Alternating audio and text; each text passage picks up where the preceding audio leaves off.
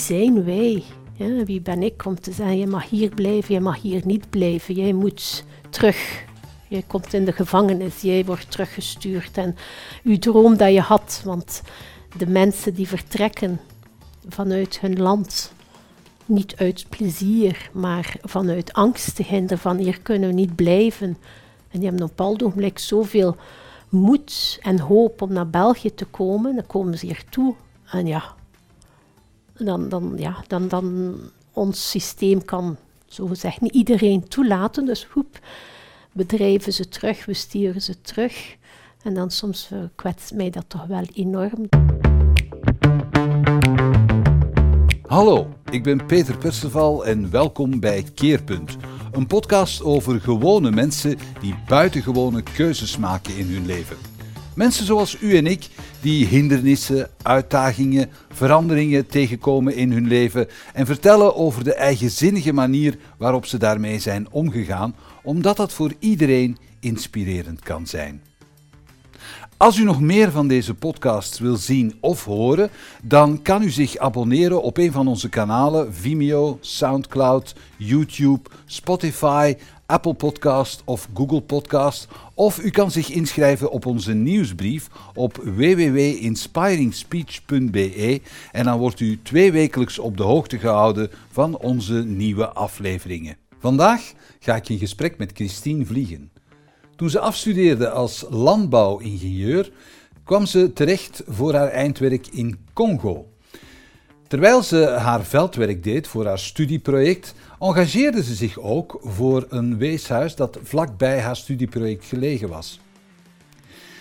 Die anekdote typeert de nieuwsgierigheid en de openheid waarmee Christine in het leven staat. En die nieuwsgierigheid en die openheid brachten haar ook naar alle uithoeken van de wereld. Zelf noemt ze het niet reizen, maar in het buitenland aanwezig zijn.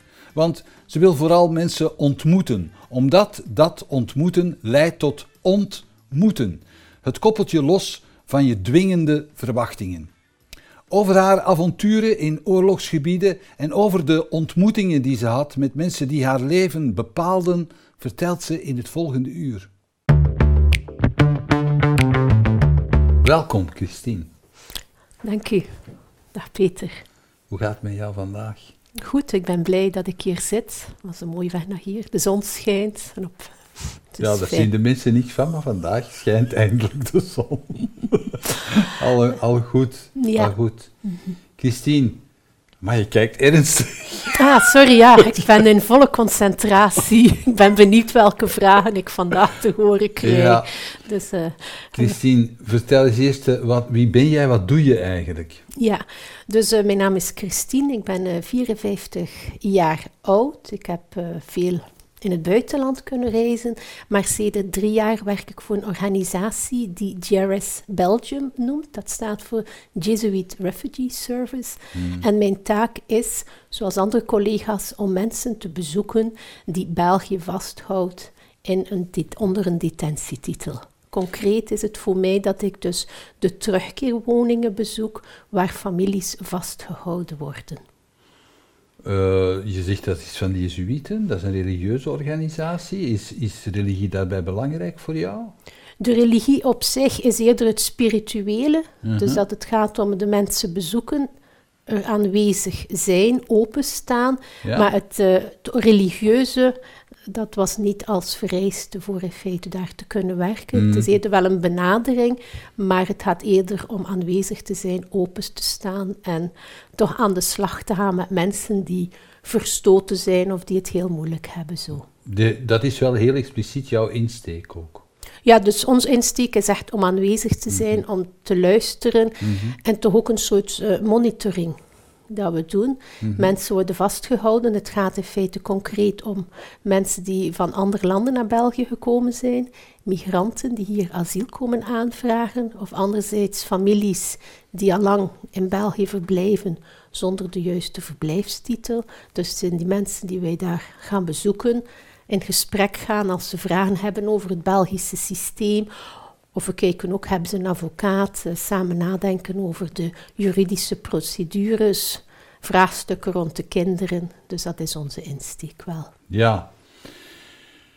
Dat is uh, een, uh, een, een origineel uh, manier om jouw passie verder te zetten, eigenlijk, denk ik, als ik jouw verhaal hoor. Want wij kennen elkaar al een tijdje. Mm -hmm. En jij hebt ook heel veel gereisd, mm -hmm. zelf, in het buitenland. Ja, ja. En heel, heel, heel vanuit nieuwsgierigheid, zeg ik dat juist? Ja, dus juist in feite, mijn passie zit in feite wel in het ontmoeten van Mm. andere mensen. Mm. En als jonge persoon, in feite na mijn studies, heb ik de kans gekregen om in het buitenland te gaan werken. Dus ik heb zo toch bijna tien jaar in het buitenland kunnen werken voor verschillende organisaties. En daar heb ik heel veel verschillende culturen ontmoet, vele mensen ontmoet. Dus uh, dat is wel een passie om zo te kijken, hoe zit de wereld ineen? Ja. En hoe zitten we zelf allemaal in elkaar? Dus, uh, Ontmoeten, daar gaan we het hebben vanda over hebben vandaag. ja, graag. Ja. Want jij bent zelf, je, weet, mijn gesprekken beginnen altijd bij de vraag zo van wie was jij toen je een jaar of 15, 16 was? Ja. Wat was jij voor iemand? Ja, ik zou mezelf beschrijven als uh, ja, een student dan, een leerling in het vijfde of het zesde middelbaar. Ik kom graag thuis, uh, dus enerzijds uh, school met de vriendinnen en vrienden op stap gaan, maar anderzijds toch veel thuis, veel boeken lezen. En thuis, waar was dat? Bij mij, ik ben opgegroeid tegen Brugge, Mhm. in. Mm. En dus, uh, ja, zo beschrijf ik mezelf. En nu en dan had ik wel nood om een keer weg te gaan, om dan de natuur wat in te trekken, te gaan wandelen naar de zee of zo. Dus dat zijn herinneringen die terugkomen. Maar van Zeistelen naar de zee, dat is, wat is dat, 20 kilometer? Ja, dus dat uh, bedoel ik daarmee. Met mijn ouders ging ik ook Ah, vaak ja, op stap. Dacht Dus, dat jij uh, alleen zo op, door de polder? nee, dat was eerder dan de velden intrekken, denk Ja. ik zo. Ja, Oké. ja. Zeg, eh, Christine, maar eh, en wat, wat was je, wat, in welk voor soort familie groeide je op dan? Uh, in een gewone familie, in de zin, mijn vader kwam van de Limburg, mijn moeder van West-Vlaanderen. We waren twee kinderen, dus zo'n beetje het standaard gezin. Ja. Mijn vader was veel voor zijn werk naar het buitenland, maar meer in business trips. Mhm. En dus was het vaak mijn moeder die toch de zorg over ons nam, met dan uh, in de weekends mijn vader wel of niet aanwezig. Zo. Ja. Ja. Zeg, en de, want je zei, ik trok graag de natuur in. Wat, Ja. hoe, hoe, hoe ging dat? Wat, wat deed je dan? Ja, nu spreken we nog altijd over 15, 16 Ja, ja. jaar. Mhm. Dus op dat moment zou ik zeggen, was dat nog niet zo voor mij spectaculair. Dat was gewoon de deur uitstappen en de velden instappen. Dus dat was eerder op dat niveau dat ik dan toch En de waarom rust deed vond. je dat? Gewoon om, denk ik ook, ik heb altijd wel nood gehad om enerzijds veel mensen te ontmoeten, nieuwe dingen te verkennen en anderzijds ook de nood om weer bij mezelf te komen, om uh, tot rust te komen. Ja, Dus denk en dat vond daar je in de natuur. Dat vond ik toen en nu nog altijd wel in de natuur ook terug. Dat ja. doe je nog? Ja, ja, ja. En hoe, hoe vind je die rust daar dan? Wat doe je dan? Ik ben nogal Of iemand die... Of ja, het is in feite altijd, ik noem het eenvoudig, het simpele. Dus in feite gewoon stappen en dan... In het begin eh, borrelt er van alles en op den duur zie je dan van alles op, op je weg. Eh, al is dat een, een graspriet dat je denkt, ja, die staat dan al grappig. Of tja, er, die plant schiet mooi, daar staat een bloem of er vliegt dan een vogel voorbij. Dus in die manier eh, ja, geeft mij dat toch wel een bepaalde rust. Zo. Aandacht voor de dingen eigenlijk. Ja, aandacht, ja. Mij in feite ook laten eh triggeren door wat ik tegenkom. Zo. Ja, Dus niet specifiek, maar plots schiet er dan een vogel of plots passeert daar iemand met een hond en dan eh, ja, een beetje openstaan wat ik op mijn pad tegenkom. Zo. ja. Mhm. Maar ben je, je bent, je, je, je zat, je, je, je operatieterrein, of je, je actieradius zal ik maar zeggen, was beperkt tot zo Brugge en de rand. Ja, en daarnaast natuurlijk eh, gingen we ook op vakantie in de zomer. Dus Ja. dat hebben we ook wel. Het reizen zat er ook in, om nu en dan kleine uitstappen te maken. Ik weet nog, de zondag ging ook altijd met het gezin wandelen. Mijn vader was dan ook diegene, als er ergens een shortcut was om een veld door te wandelen, dan gingen we dat doen om dan over die een prikkeldraad te kruipen. Dus dat waren de kleine avonturen van die tijd toen. zo. Ja. En als je naar het buitenland ging met, je, met de familie, waar, de- waar gingen jullie dan naartoe? In feite was het nogal gevarieerd. Mijn Mm. ouders hadden het stand, eh, de, of de visie van, kijk, we gaan op reis op manieren dat je later ook kunt veroorloven. Dus dat kon zijn dat we iets schuurden of dat ze een keer met de tent op stap gingen. Mm. Dus het was zo ja, Frankrijk, eh, Spanje, een beetje overal zo. Oké. Ja. Ja. Je had wel die reismicroben te pakken dan. Ja, en ik denk ook in feite, als ik zie, ik ben eh, afgestudeerd of ik zat in een richting, nu noemt dat bio-ingenieur. Dus als ik kijk naar mijn studies, vroeger noemde dat het boerenkot. Dat waren nogal mensen die wat alternatievere uitstappen ook soms deden. Dus het zat een beetje vandaar dat het ook mee begonnen is. Ik had ook... Allee, ik was er dan door in de eerste zit, dus dan heb je ook drie maanden vakantie. En dan, ja, dan ging ik op stage. Bijvoorbeeld ben ik twee keer in een boerderij een maand gaan meewerken om de koeien te melken. Of een keer een sociaal project met kinderen. Hoe kwam je erbij om dat te doen, bio-ingenieur? En dan, de, de, het boerenkot, wat, wat trok je daarin aan? Ik was in feite wel geïnteresseerd in wetenschappen, ook zo'n beetje het, het, ja, het onderzoeken, het verkennen. En dan, ja, het was vooral de vakken en dan de sfeer trok me er ook aan. En dan, ja, ik ben ook nogal ingesteld, we zien wel wat dan komt. Dus ik ben begonnen en dan stap voor had geen stap. toekomstplan, zo van, van ik, wil met, ik wil met koeien of ik wil met... Ik ben nogal ingesteld, we zien wel. Ja, En dan ja, je stapt dat pad in of je begint daarmee en dan eh, stap voor stap worden dingen duidelijker of je gaat dan voor eindwerk naar het buitenland. Dus dat is zo dat het dan toch wel geleidelijk aan duidelijker werd. dat heb je gedaan. Voor je eindwerk ben je naar het buitenland ja, geweest. dus als je kijkt naar het, eh, de richting dat ik deed, kon je op een bepaald ogenblik ook kiezen. En ik had toen uh, meer zo het, het, het, eh, buitenland ook gekozen. En dan ben ik twee maanden naar Congo. In die tijd noemde dat nog Zaire. Oké. Oorspronkelijk mocht ik drie maanden gaan, maar na twee maanden was daar de burgeroorlog uitgebroken. Waar Dus zat je in Congo dan? Kinshasa. Oké. Ja, Mhm. dus werd ik dan gerepatrieerd met andere Belgen naar België. Dat was direct gevaarlijk dan.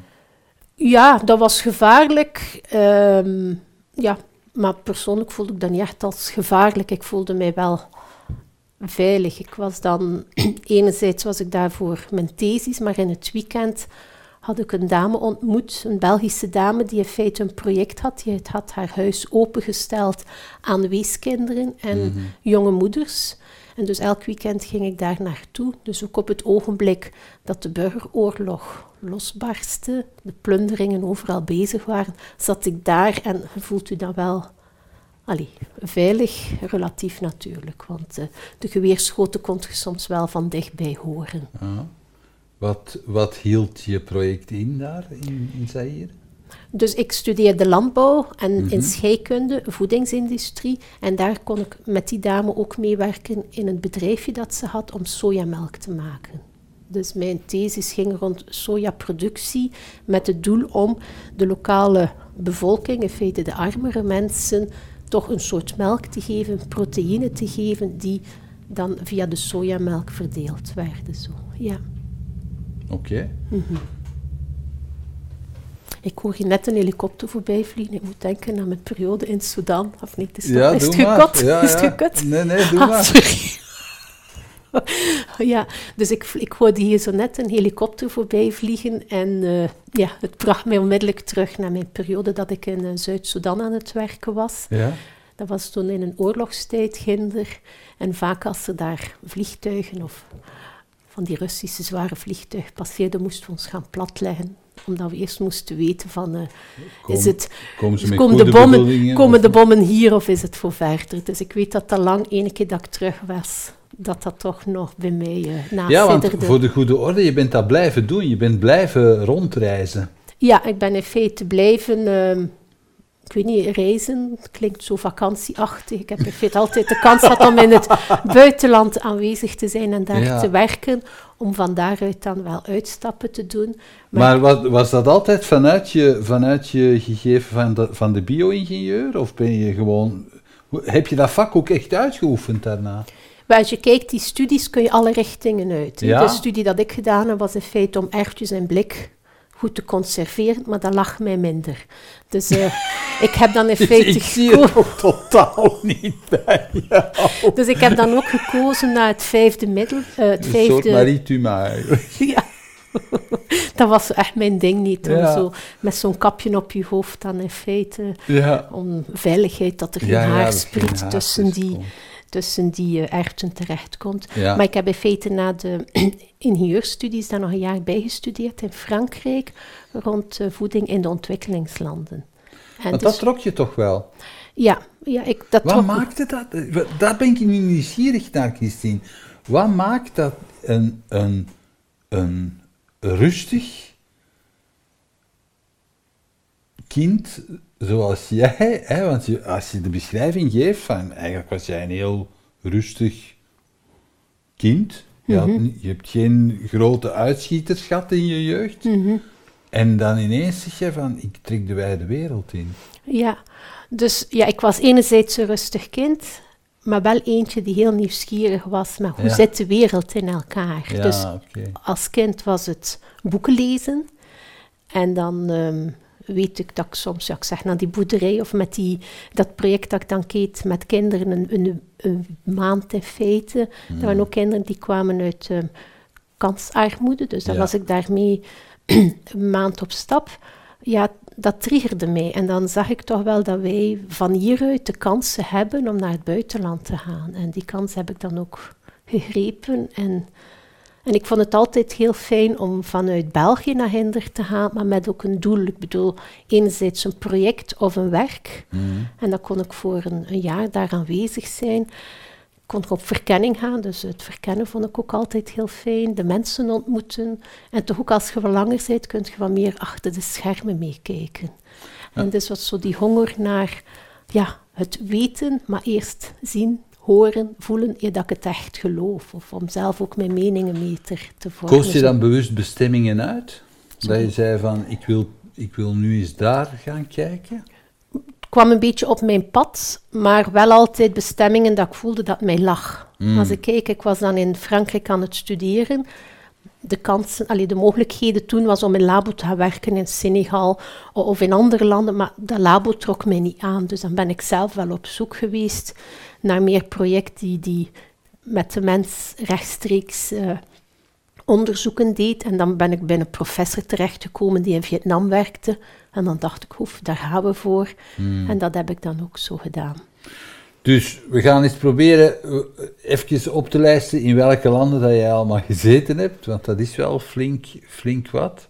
Dus Ja. je, bent, je gezegd Zaire, Sudan, Ja, waar, waar dan nog? dus in feite heb ik vier jaar in Vietnam gewoond, een klein jaar in Malawi, Ja, dan een klein jaar West-Afrika is dat Malawi? Eh, Oost-Afrika. Dat ligt eh, sorry. bij Tanzania, Ja. Oeganda, langs daar naar beneden. dan ook een, eh, een klein jaar in, voor Zuid-Sudan was ik in Kenia gebaseerd. Mhm. Een paar maanden eh, Guatemala, Eritrea. En dan heb ik ook een klein jaar in Abkhazie gezeten. Dat is een provincie van Georgië, om daar voedselbedeling te doen.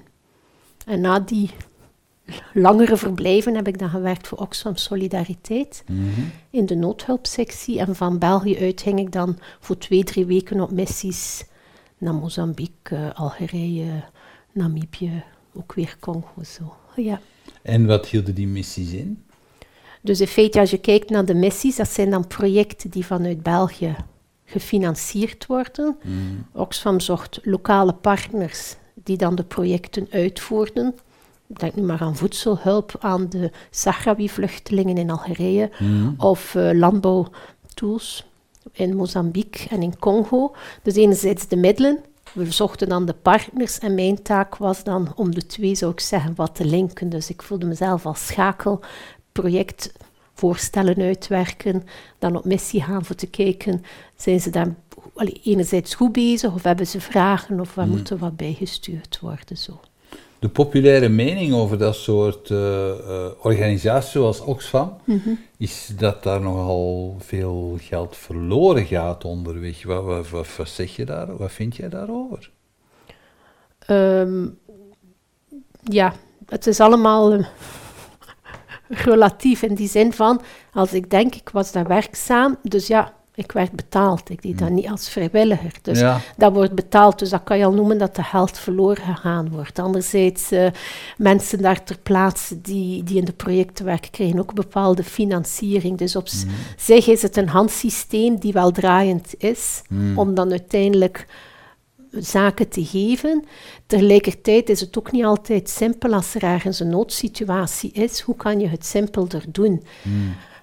Lopen daar duizenden, miljoenen mensen rond? Heeft iedereen dan nood aan dat voedselpakket? Meestal zijn er ook kleinere hoeveelheden, dus die moeten gekozen worden, de begunstigden. Dus er zijn ook wel middelen nodig om die juiste mensen te kiezen. Uh, Ja, ja.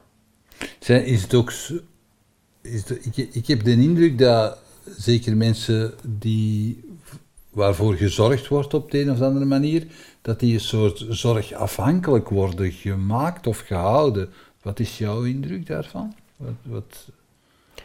In, in, in persoonlijk vind ik dat het ja, dat het niet zo wit-zwart altijd is. Mhm. Eh, ik weet nog, ik was ooit in uh, Zuid-Soedan werkzaam en ik was daar met uh, Mabior, dat was een, een, man die daar lokaal werkte, aan het praten.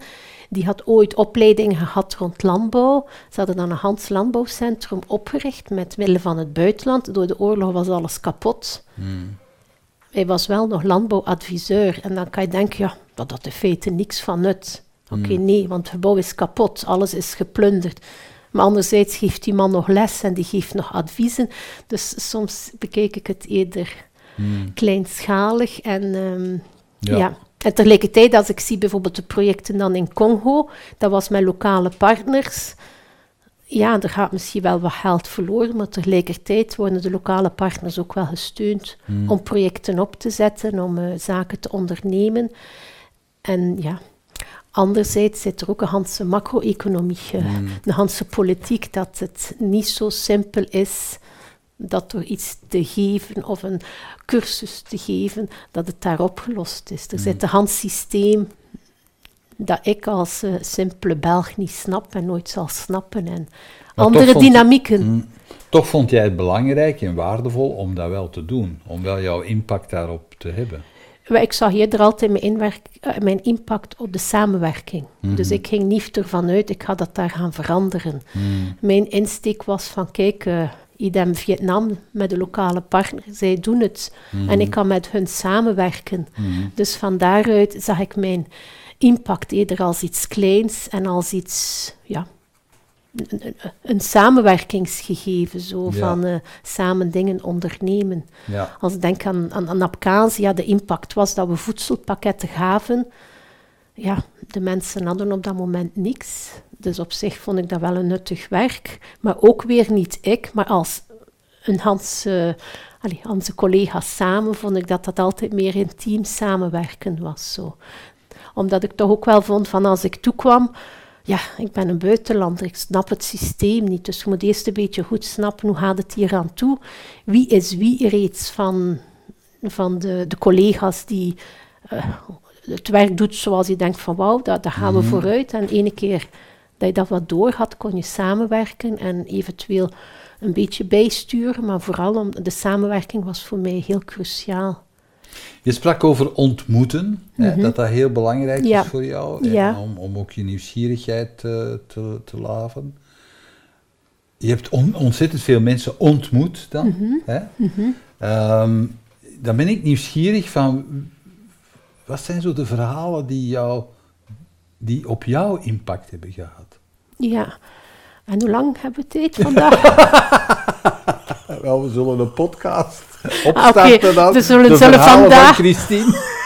we zullen vandaag... Uh, dus, dus je vraag is zo, welke mensen zijn me bijgebleven in de ontmoetingen? Ja. ja, er zijn er zoveel. En er zijn er... Ja, dat kan van kleine ontmoetingen gaan, van mensen die op onderweg al stappend ontmoeten. En je doet een babbeltje, je ziet van, tja, er is even connectie geweest tot andere mensen dat je ontmoet en dat je voelt, we zijn vrienden geworden. Of bij andere mensen dat ik een beetje een familiegevoel kreeg van, ik ben hier welkom, ik mag komen wanneer dat ik goesting heb, dus bijna dochter aan huis en omgekeerd, hè, dochter bij hun. Dus er zijn heel veel soorten ontmoetingen geweest en ja, toch heel eh, dankbaar voor al die ontmoetingen. je, je geeft nu verschillende verschillende voorbeelden, maar wat ze wel allemaal gemeenschappelijk hebben, is dat je echt een, een, een verbinding creëert. Ja, eh, ja dat, dat was er gewoon. In feite voel ik ook met ontmoetingen, vind ik het heel fijn als je mensen ontmoet om op zoek te gaan naar de gelijkenissen. Hmm. te zien wat triggert die persoon en mij. Waar kunnen we gemeenschappelijk over praten? Waar krijgen we gemeenschappelijke connectie? Hoe leg je dat aan boord? Zo. Ik, ik herinner me, je hebt me ooit eens een verhaal verteld van je tijd in Abhazie, Mhm. waar je eigenlijk weinig of niet kon communiceren, omdat je de, de, de taal die daar gesproken wordt, daar wordt Russisch gesproken. Russisch, Abkhaze, Armeens, Grieks, Ja. alles te vermengen moest. Dus je, je bent daar niet echt machtig. Mhm. Hoe, hoe, hoe kom je dan tot die verbinding? Ja, er zijn soorten verbinding. Ik moet zeggen, als ik in een land toekwam, leerde ik ook altijd in de lokale dag taal. Goeiedag, strasvojte, goeiedag. Hè? Eh, o- o- of spasiba, dank u. Dus dat je toch een kleine connectie hebt. En de connectie kan in, in kleine dingen ook weer zitten. Het, eh, ik weet, eh, soms ja, uitgenodigd worden, het eten delen.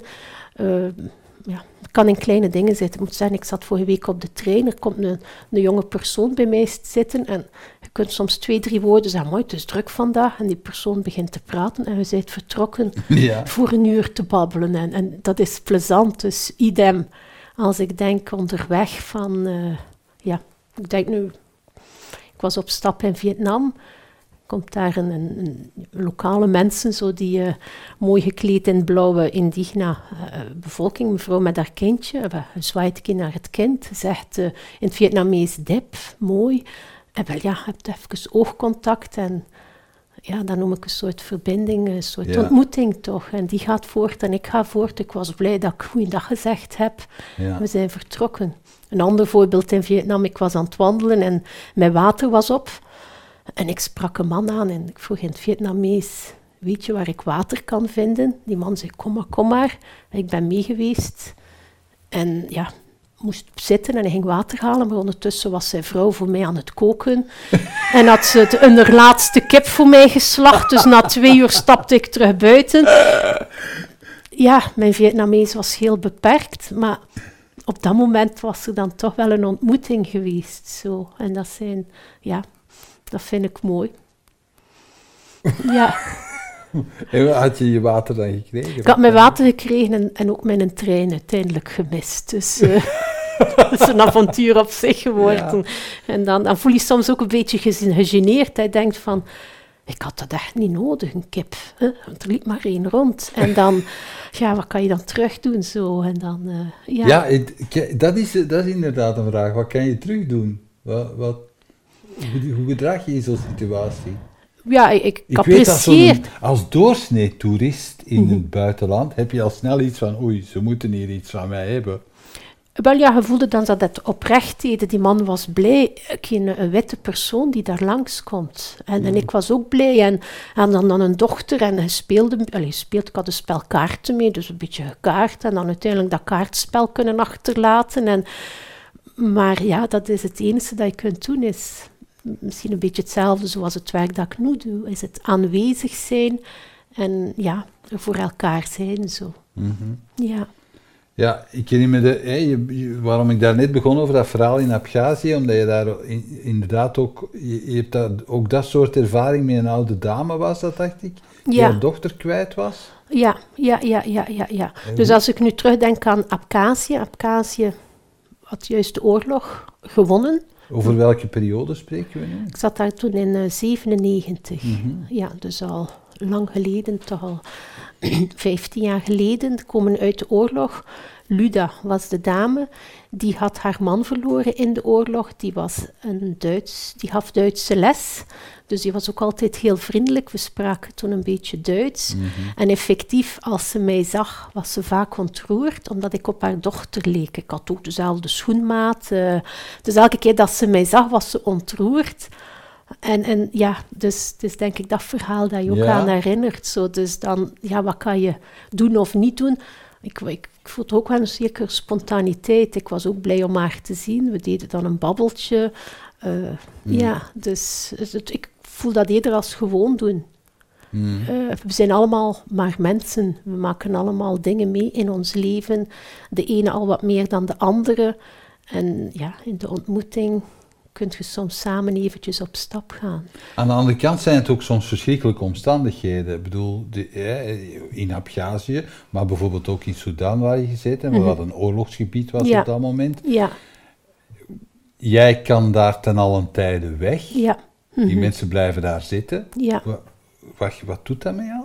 ja, dat heeft voor mij altijd heel veel verwarring, verwarring gegeven. Dus Ja. enerzijds een grote dankbaarheid. Ik ben Belg. Als er mij iets overkomt, ze zullen wel voor mij zorgen.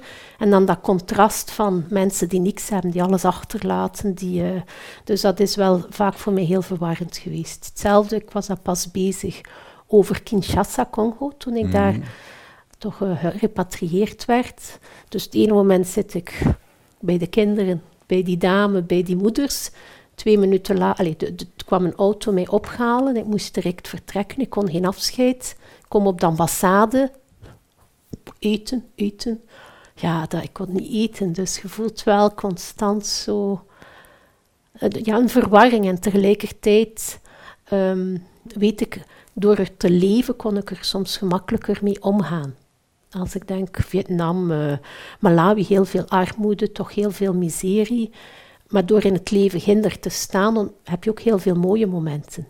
Waardoor dat je het meer kan relativeren. Kan je eens een voorbeeld van geven? Als je zegt Van? mooie momenten. Wa- wa- Want ja. Ja, dus bijvoorbeeld Vietnam. mhm. Eh, Dus daar eh, was het ook met een project dat we bij de families thuis gingen om te kijken van hoe is de voedingssituatie van de kinderen, waar kan er extra ondersteuning zijn. Daarnaast woonde ik in Ho Chi Minh City, Saigon. Daar had ik een familie ontmoet van een man en een vrouw, die toen eh, 20 of 30 jaar ouder waren dan mij. Eh, voor mij zijn dat prachtige ontmoetingen en ik mocht elke week op bezoek gaan.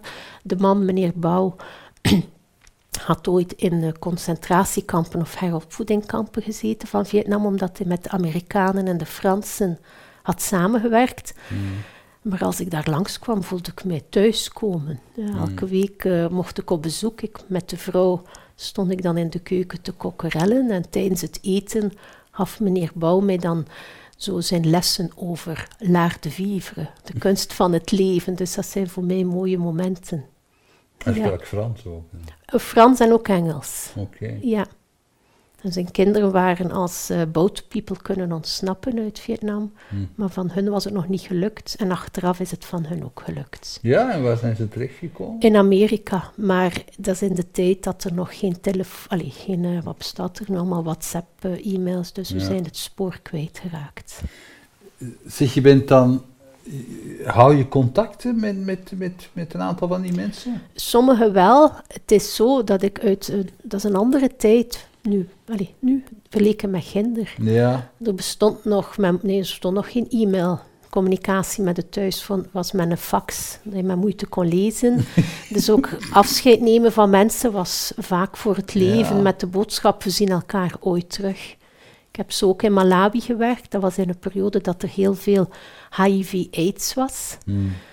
Collega verloren aan die ziekte. Dus ja, als ik dan van collega's afscheid nam, was ook de boodschap dat ze zeiden, ja, ik weet niet als we je nog gaan terugzien, want wie weet zit het in ons lichaam en overleven het niet. Dus het is soms toch wel eh, ja, afscheid. Ehm, ja, die mensen meedraagt in uw hart, maar eh, je stapt samen en we gaan elk onze weg weer uit. En soms gebeurt het nog een keer dat iemand plots opduikt. eh, zoals ik over tijd, allee, jaren geleden, een priester was, hij was priester geworden ondertussen van Abkhazie, die mij plots contacteerde om te vragen hoe dat met mij gaat. Dus dan is dat wel heel fijn. Zo. En hoe lang was het dan geleden dat je die man gezien of gehoord had? Tien jaar of twaalf jaar zo. Oké. Dus, En hoe vinden die, die jou dan? Ik denk dat ik toen dat het toch al, ik weet niet of het nu maar i, of ja, ik weet het alweer. Hij had iemand ontmoet die mij kende in Abkhazie en zo werden dan de, de e-mails uitgedeeld. Ja, want er wordt zo een... De e-mails werden uitgedeeld. Ja, die persoon kende mij, dus Ja. die gaf mijn e-mailadres en dan, Maar ik zeg ineens zo'n postsorteercentrum ja. Dat is ik, ben ook oud. Het is ermee. Ehm, maar eh, wat, ik mij nu, wat ik mij nu afvraag is, hè, je zegt de, de, ja, de dood, het hoort erbij, afscheid is afscheid. Dat is toch niet makkelijk? Dat is toch niet zo, je doet dat toch niet zomaar? Maar nee, ik weet ook eh, dat het daarom is dat ik gestopt ben uiteindelijk. Ja? Ja, om het te doen. Ik wil zeggen, ik kwam... Ik ben ook in feite altijd alleen vertrokken. Mhm. Op zich vond ik dat fijn. Allee, fijn. Ik had ook geen partner toen. Maar eh, door alleen aan te komen, ja, staat de wereld open, moet, maak je contacten veel gemakkelijker. Mhm. Je gaat op zoek naar en dan kom je ergens toe voor een jaar. Dus het eens dat ik mee had, was mijn valies van 20 kilo. En dan ja, trek je plan zo. En dan Mhm. stap voor stap leer je mensen kennen, maak je vrienden.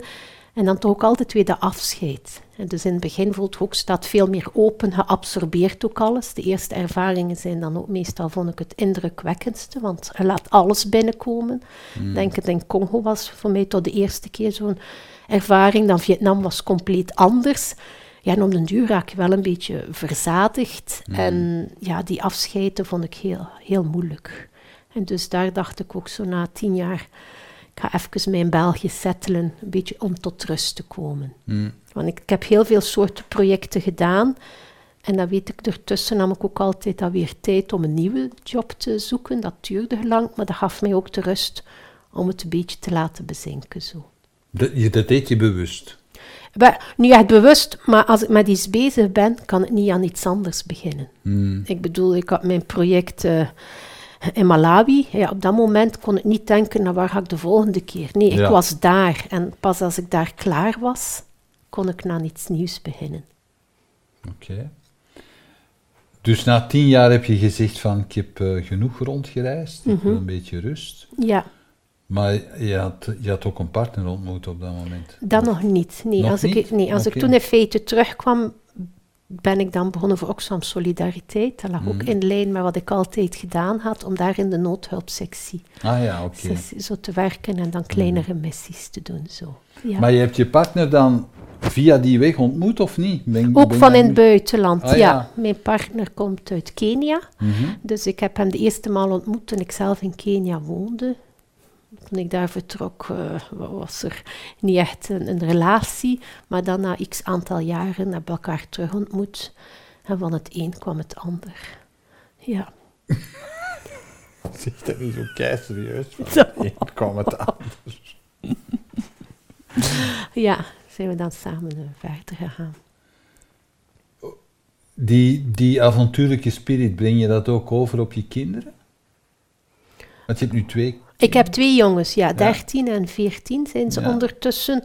Het, het avontuurlijke, denk wel, dat zit in ons. Persoonlijk noem ik dat niet altijd avontuurlijk. Bij ons is niet de bedoeling om gletsjers of, of extreme parachutespringen. Mhm. Het zit eerder, denk ik, in het kleinere. Eh, ja, met de tent weggaan of eh, een wandeltocht maken. En dan, eh, in plaats dat maar van 15, ki- 5 kilometer is, zullen wij 15 kilometer doen. Dus in die zin zit bij ons dan het avontuurlijke eerder in het eenvoudige dingen doen op een andere manier Dat waarschijnlijk. moet niet per se met kick zijn en hoog en veel en groot. Nee, nee, dat kan klein zijn. Dus ze zijn ook half Keniaan, dus ondertussen zijn we al een paar keer naar Kenia geweest. Hm? En dan is het ook op de simpele manier. Dat is niet in de grote lotjes of de... Dus zo meer op het platteland wonen. En wel Bij ook. Nee, meer op onszelf. Soms een keer familie bezoeken, maar eerder dan... eh, ja, op, ja, toch veel wandelen zit er bij ons ook in. Zo. Ja. Je was aan, je was aan het zeggen naar de Kilimanjaro. Het Kilimanjaro zit in Tanzania. Ja, Dus bij ons is het dan Mont Kenia Oké, beklimmen. Mount. Ja, die bijna 5000 is. Ja. dat is ook hoog. Dat is ook al fijn. Ja, dat is ook al uitdagend. Ja. Zeg, gezien wat ik mij de hele tijd zit af te vragen is, als je zo vier jaar in Vietnam geweest bent, je komt dan terug een tijd in België, Mhm. of je zit een jaar in Congo, of je zit eh, een jaar in, in, in Kenia, wat, hoe kijk je dan naar het leven hier? Het is altijd, voor mij was het toch altijd een aanpassingsperiode terug. Ik kom enerzijds van een land waar van alles bij mezelf dat gebeurd is.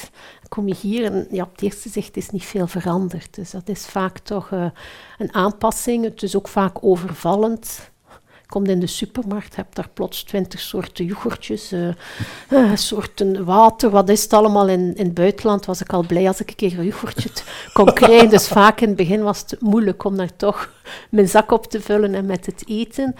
Eh, ja, tegelijkertijd waren de ontmoetingen, vind ik toch in het buitenland verrijkend, om hier dan weer, ook weer naar het leven hier te kijken. En als ik kijk waar ik vandaag ja, sta, zijn heel veel meer mensen uit het buitenland naar België gekomen.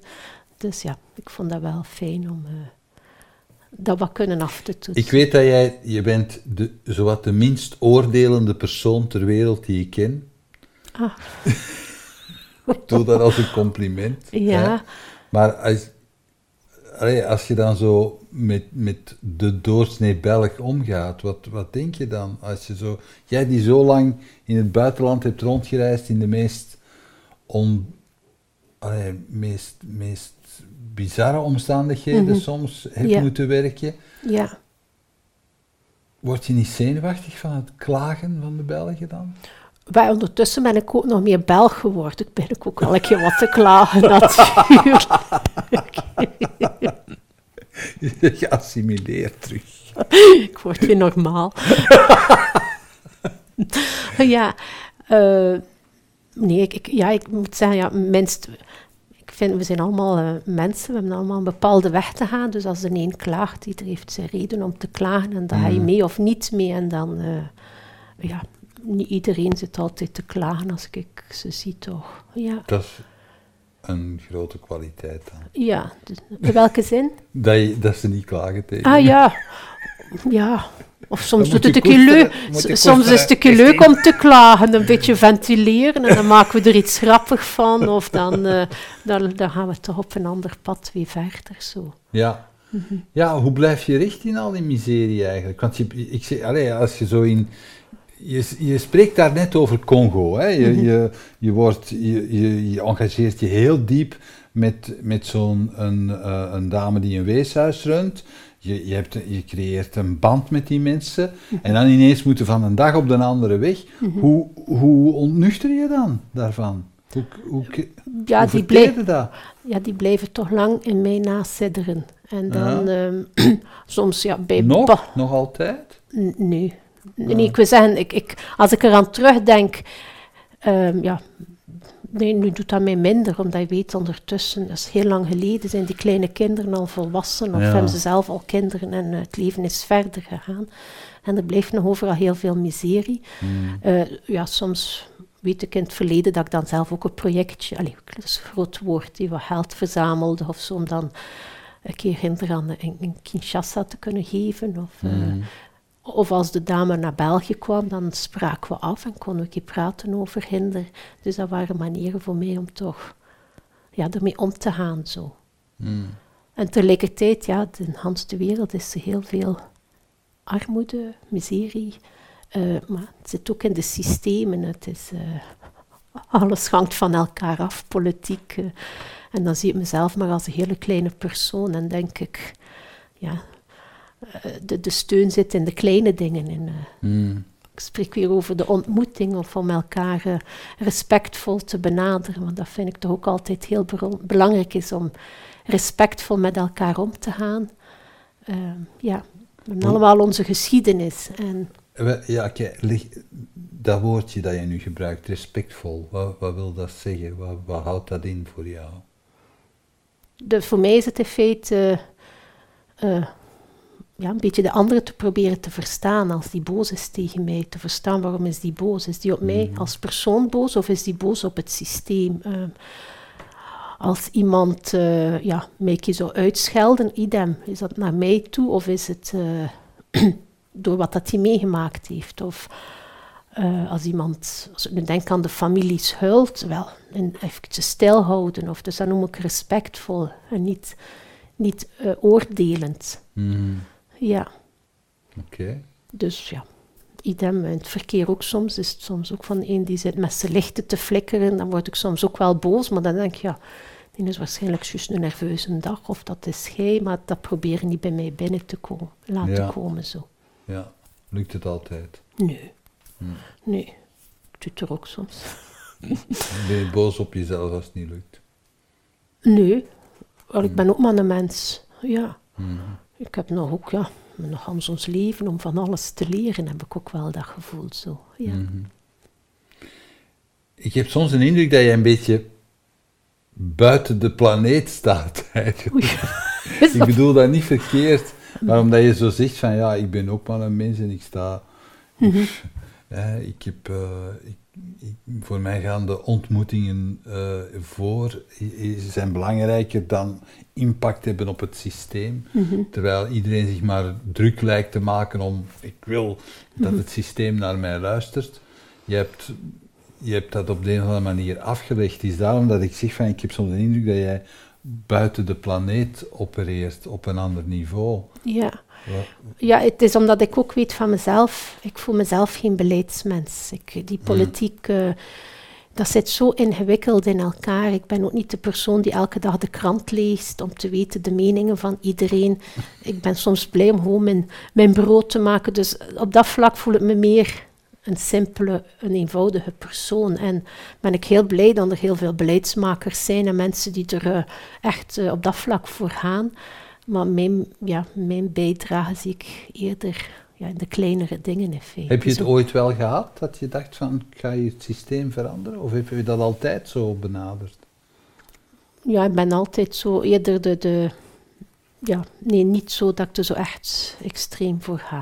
Ik ben er mhm. wel soms boos op, of ontgoocheld, of... Uh, maar, uh, ja, nee. Kan je eens een voorbeeldje geven? Als ik nu bijvoorbeeld zie, ik zeg de ontmoetingen voor mij zijn belangrijk. Als ik jong was, ik trok graag de wereld in, om te weten hoe zit de wereld ineen, door ouder te worden, ook door het gezinsleven.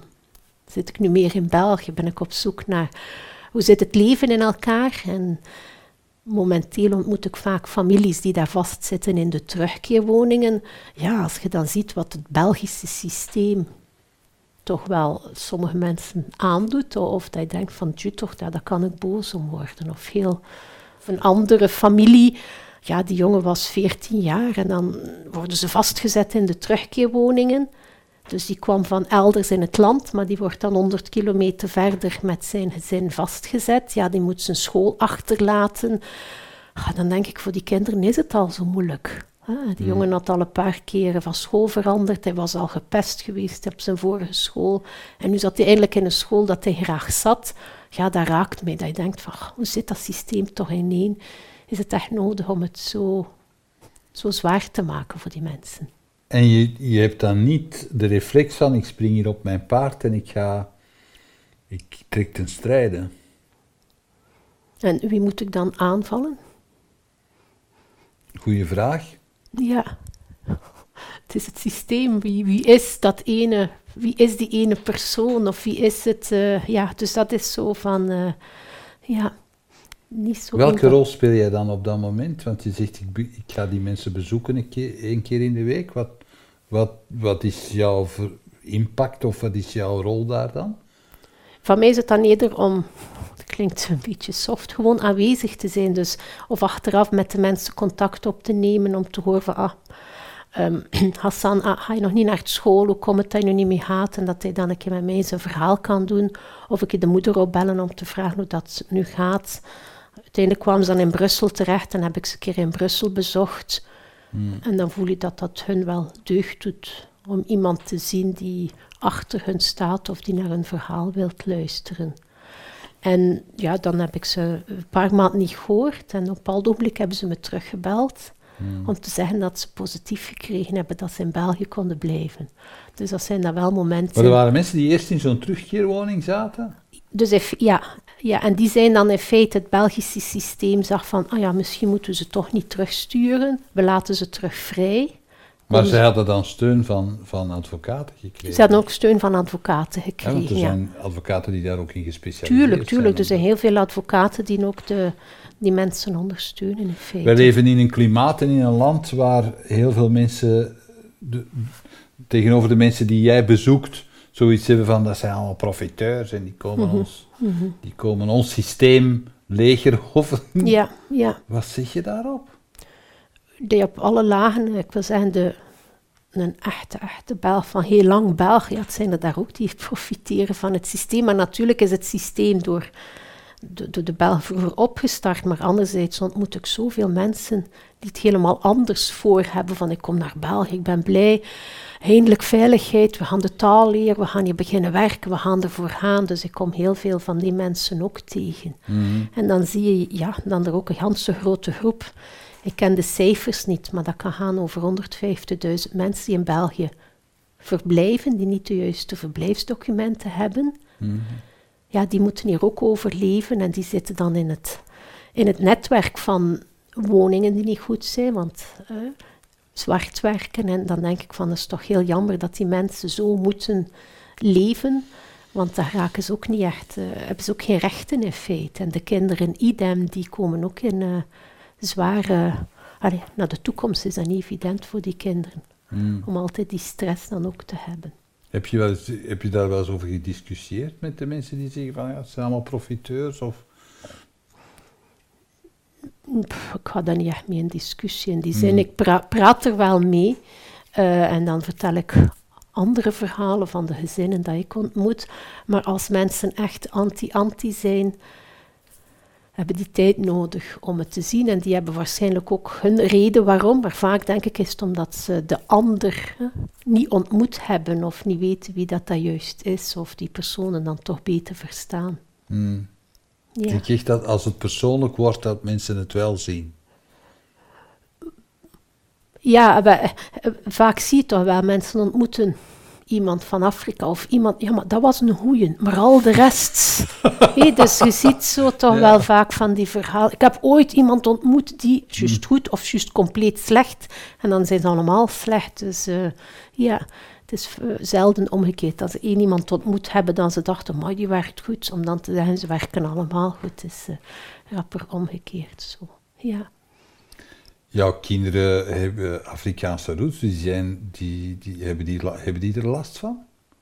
Ze zeggen daar toch niks van. En ook, ik heb soms de indruk, als je kijkt naar de jeugd ehm, in scholen, wat dat er een mengeling is van. Ja, de school waar de mijn kinderen naartoe te gaan, dan, ja, dat is de Niek, dat is de Jean. Maar het is pas soms een jaar of twee later dat ik weet dat iemand van een andere origine is. Dat, Ja. Dan die daar veel minder complex mee omgaan. Dat, eh, Zou het kunnen dat de volgende generaties daar totaal aan voorbij gaan dan? Ik weet niet welke generatie. Allee, het wordt meer en meer gemixt. Ja, als je kijkt hoeveel mensen van andere culturen, dat, ja, dat is natuurlijk mijn hoop. eh, dat we elkaar allemaal waarderen voor wie we zijn in feite. Want ieder kan op zijn manier toch een steentje bijdragen aan het Belgische systeem of aan het, eh, de maatschappij op zich. Ik vraag het omdat mijn, mijn oervoorbeeld is altijd Limburg. Ik heb zelf Limburgse roots. En ehm, voor mijn vader was het... eh, mijn vader is van Beringen. Eh, en voor mijn vader was het heel vanzelfsprekend dat er, dat er allerlei nationaliteiten hem omringden, omdat hij, hij had in zijn jeugd niet anders geweten dan dat er Polen, eh, Wit-Russen, eh, Italianen, eh, Marokkanen rond, rond Beringen in de mijnen zaten. Dus die, die- voor hem had dat, eh, die, had zoiets van, die was daarmee opgegroeid. Het is daarom dat ik zeg, zijn ouders, eh, ik heb die mensen nooit gekend, maar zijn ouders hadden daar veel meer, meer problemen mee. Ja, Omdat die, die vreemdelingen waren na de oorlog binnengekomen en dat was allemaal zoiets van, oei, wat moeten we nu doen? Hoe moeten we ons leven organiseren? Terwijl de generaties daarna, en als je nu kijkt naar Limburg, dat is echt dat is de melting pot van België, noem Ja, ik dat altijd. ja. Ik vind dat fantastisch hoe dat ze ermee omgaan ja, eigenlijk ja, ja. je ziet dat ook terug in de taal. Dus het is daarom dat ik dat vraag. Denk je dat dat in volgende generaties zal opschieten? Ik denk van wel. Ja. Omgekeerd heb ik ook een vraag. Wat ik, merk, wat ik zelf merk als ik naar, eh, naar Afrika trek of zo, is dat mensen, hoe minder mensen hebben, hoe meer ze zonder oordeel in die ontmoeting instappen. Is dat ook jouw indruk? Ik kan ook En zonder, en zonder, zonder verwachting. Hè? Dat straks vertelde je van die, van die mensen in Vietnam die, jou, die hun kip voor jou slachten en dingen. Ik vind dat nog een typisch voorbeeld, omdat dat inderdaad iets is wat je in dat soort gebieden eh, tegenkomt. Je, je ontmoet mensen, die, die nemen je mee, die, die, die stellen hun huis open, die beginnen te vertellen, die willen contact met jou leggen. Maar eigenlijk verwachten die niks. Mhm, Ja, ja. En hoe minder mensen hebben, hoe minder ze verwachten eigenlijk. Ja. Ze zijn gewoon blij ja. van u te zien. Ja, ja, ja. Ja. Is dat jouw indruk ook? Of hoe, zie, hoe zie je dat? Ja, van mij was het toch soms in bepaalde omstandigheden waar ik was, had ik wel de indruk dat mensen iets van mij verwachten. Ja, En dat zoals? Ik denk nu terug aan Kinshasa, waar ik verbleef. Hoeveel studenten die mij aanspraken. Kun je alsjeblieft een beurs voor mij, dat ik kan Ah, ja. gaan studeren in het buitenland. Dus enerzijds verwachten ze niet dat ik dat daar geef, maar ja... Dus er zitten wel bepaalde verwachtingen, maar effectief eh, het openstaan, het elkaar ja, uitnodigen, dat is iets heel mooi. Mhm. Dat zie ik nu ook als ik zie in de, de woning waar ik families op bezoek ga. Sommigen bieden mij ook een tas thee aan. En dan is dat een, moment dat je voelt van, allee, we zitten samen rond de tafel. We zijn samen met elkaar eh, op bezoek, laten we het zo noemen. Zo. Ja, het meer het, eh, het nonchalante, het eh, kom maar binnen. En, eh, dat, dat zie je wel heel vaak in het buitenland, meer dan hier heb ik de indruk. Ja, hoe zou dat komen? Ja, het zijn andere culturen, denk ik. Wij willen het vaak misschien te goed doen. Als iemand op bezoek komt, moet al de tafel staan, het bestek moet liggen, de- alles moet al gekookt zijn. Vaak, als ik denk in Afrika, ze zeggen, kom maar op bezoek, je mag komen eten en je komt toe. Ah ja, je moet nog vlug wel eten. Allee, je moet nog de tomaten gaan kopen, want die zijn er nog niet. Dus dat is dan ja, op een andere manier. dan Acht uur later. acht uur later van, eh, ja, of je moest zeker je tafel reserveren in het restaurant en dan kom je toe en dan is het van, idem, eh, dat je pas Ja. na drie, vier uur eindelijk ja, bediend wordt. Dus Op zich ook fantastische avonturen natuurlijk. ja, ja, ja, Ja. Mensen voelen zich misschien hier soms wat meer gegeneerd dat wat rommelig ligt of... Ja. Of vinden als je dan komt, moet toch alles, eh, de taart klaarstaan. En, eh, Oh, Neem jij dat soort dingen mee ook in je leven? Dat Ja, ik voel- ja, ik voor vind- mij moet dat allemaal niet zo. ja, ik vind dat heel tof als mensen op bezoek komen onverwachts en dan staan we samen te koken of zo. Dus ik heb een vriendin die van Vietnam komt, die woont in Nederland. Die komt soms een keer een weekendje op bezoek en dan staan wij samen in de keuken of zitten we uren achter onze groene thee van Vietnam. Dus op zich vind ik dat wel heel fijn zo. Mhm. Ja. ja, en ik vind het ook fijn om mensen te onthalen. Nu denk ik plots aan een, een verhaal. We hebben ook heel veel transmigranten in België gehad. Mhm. Dus op een bepaald ogenblik, enkele jaren terug, hebben we thuis ook twee mensen van Eritrea bij ons thuis verwelkomd. Ja, dat vond ik ook hele rijke ontmoetingen in feite. Zo. Ja. Dus, eh, dus dat op die manier is het wel fijn om soms uw deur open te stellen. Ja. Maar je bent wel nieuwsgierig gebleven altijd. Ja, ja, ja. Wat haal jij eruit zelf? Wat haal je eruit uit ontmoetingen? Ik vind dat dat enorm mezelf verrijkt ook. Dat geeft mij nieuwe inspiratie. Ik ben iemand die graag met verhalen omgaat. eh, Wat als doe je mij- ermee met die verhalen? Vandaag sta ik met jou aan het praten, Ja. nee, maar dus heel weinig. Eh, Ja. Als ik zo zie voor het werk, nu en dan mocht ik een artikeltje schrijven. Ik heb met jou ooit inspiring speech. Dus ja, wat ik ermee doe is nog heel beperkt. Ja, misschien ooit wel wat meer. We zien wel. Ja. Maar je houdt ze wel bij. Je hebt, ze- je hebt Ik heb ze bij, soms wat genoteerd, maar heel weinig. Het zit eerder, denk ik, in mij, omdat ik nog niet weet wat er juist mee te doen. Het is een beetje verrijking op zich, ja. Wat wil je je zonen meegeven? een beetje het leven nemen zoals het komt en als er een probleem is om een oplossing te zoeken en dat dat ook op zich fijn is. Zo. Dus dat voel ik wel van dan soms dan zeggen mama dit of dat. Ik zeg ja, doe maar. Of eh, een beetje zelfstandigheid geven door de bus te laten nemen, door eh, zelf dingen te ondernemen. Zo. En open te st- Soms wel, soms minder. Dus dat blijft een uitdaging op zich. Elke persoon ik, is ook anders. Mijn zonen zijn ook anders. Dus moeten ze zelf een beetje hun weg zoeken. En ja, soms moeten ze wel loslaten. En eh, ook niet altijd evident. Zo. Het feit dat je eigenlijk niks meer doet met heel dat bio-ingenieursverhaal, Mhm. heb je daar nooit spijt van? Of denk je nooit van, daar zou ik meer impact mee kunnen maken? Maar ik heb zo de, als ik zie mijn studies, eh, heeft mij ook enorm geholpen om een manier van nadenken. Het soort analyseren, het, eh, het manier van rapporten schrijven. Dus als ik zie doorheen mijn, mijn leven, was dat wel iets die mij enorm geholpen heeft om zeg maar iets, projectvoorstellen te schrijven of analyses te maken. Dus op die zin heb ik dat wel kunnen gebruiken zo. Ja. Dat straks toen je binnenkwam had je een tekening bij.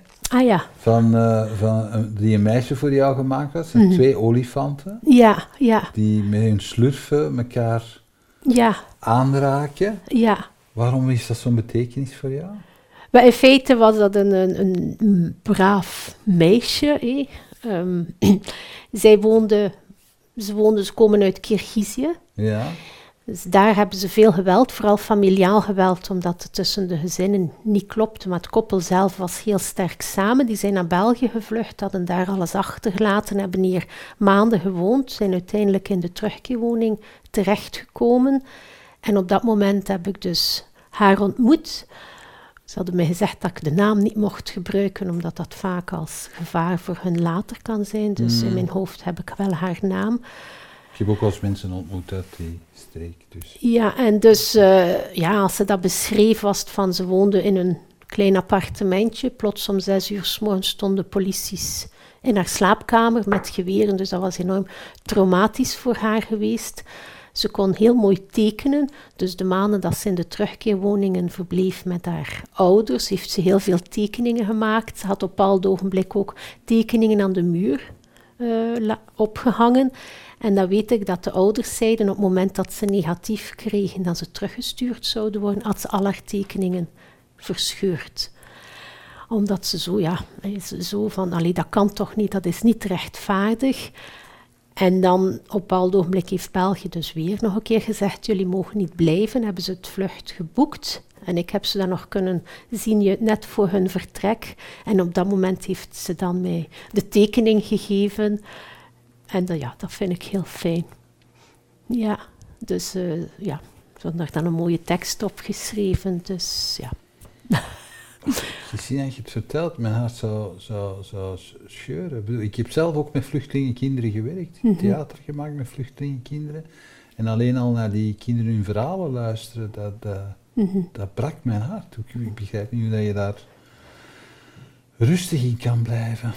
Ja, ik zou zeggen, het heeft mijn hart al gebroken, dus vandaar heb ik het al wat meer kunnen plaatsen. En mhm. effectief, sommige verhalen van de gezinnen komen bij mij wel heel hard binnen. En dan weet ik van, oei, ik moet oppassen in die zin van, ja, zij triggeren dingen bij mij door wat ze vertellen.